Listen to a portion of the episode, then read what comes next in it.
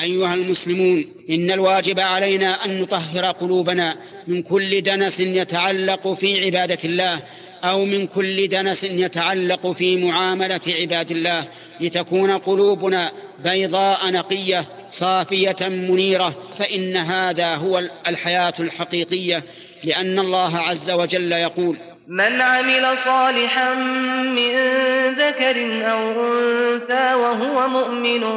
فلنحيينه حياة طيبة ولنجزينهم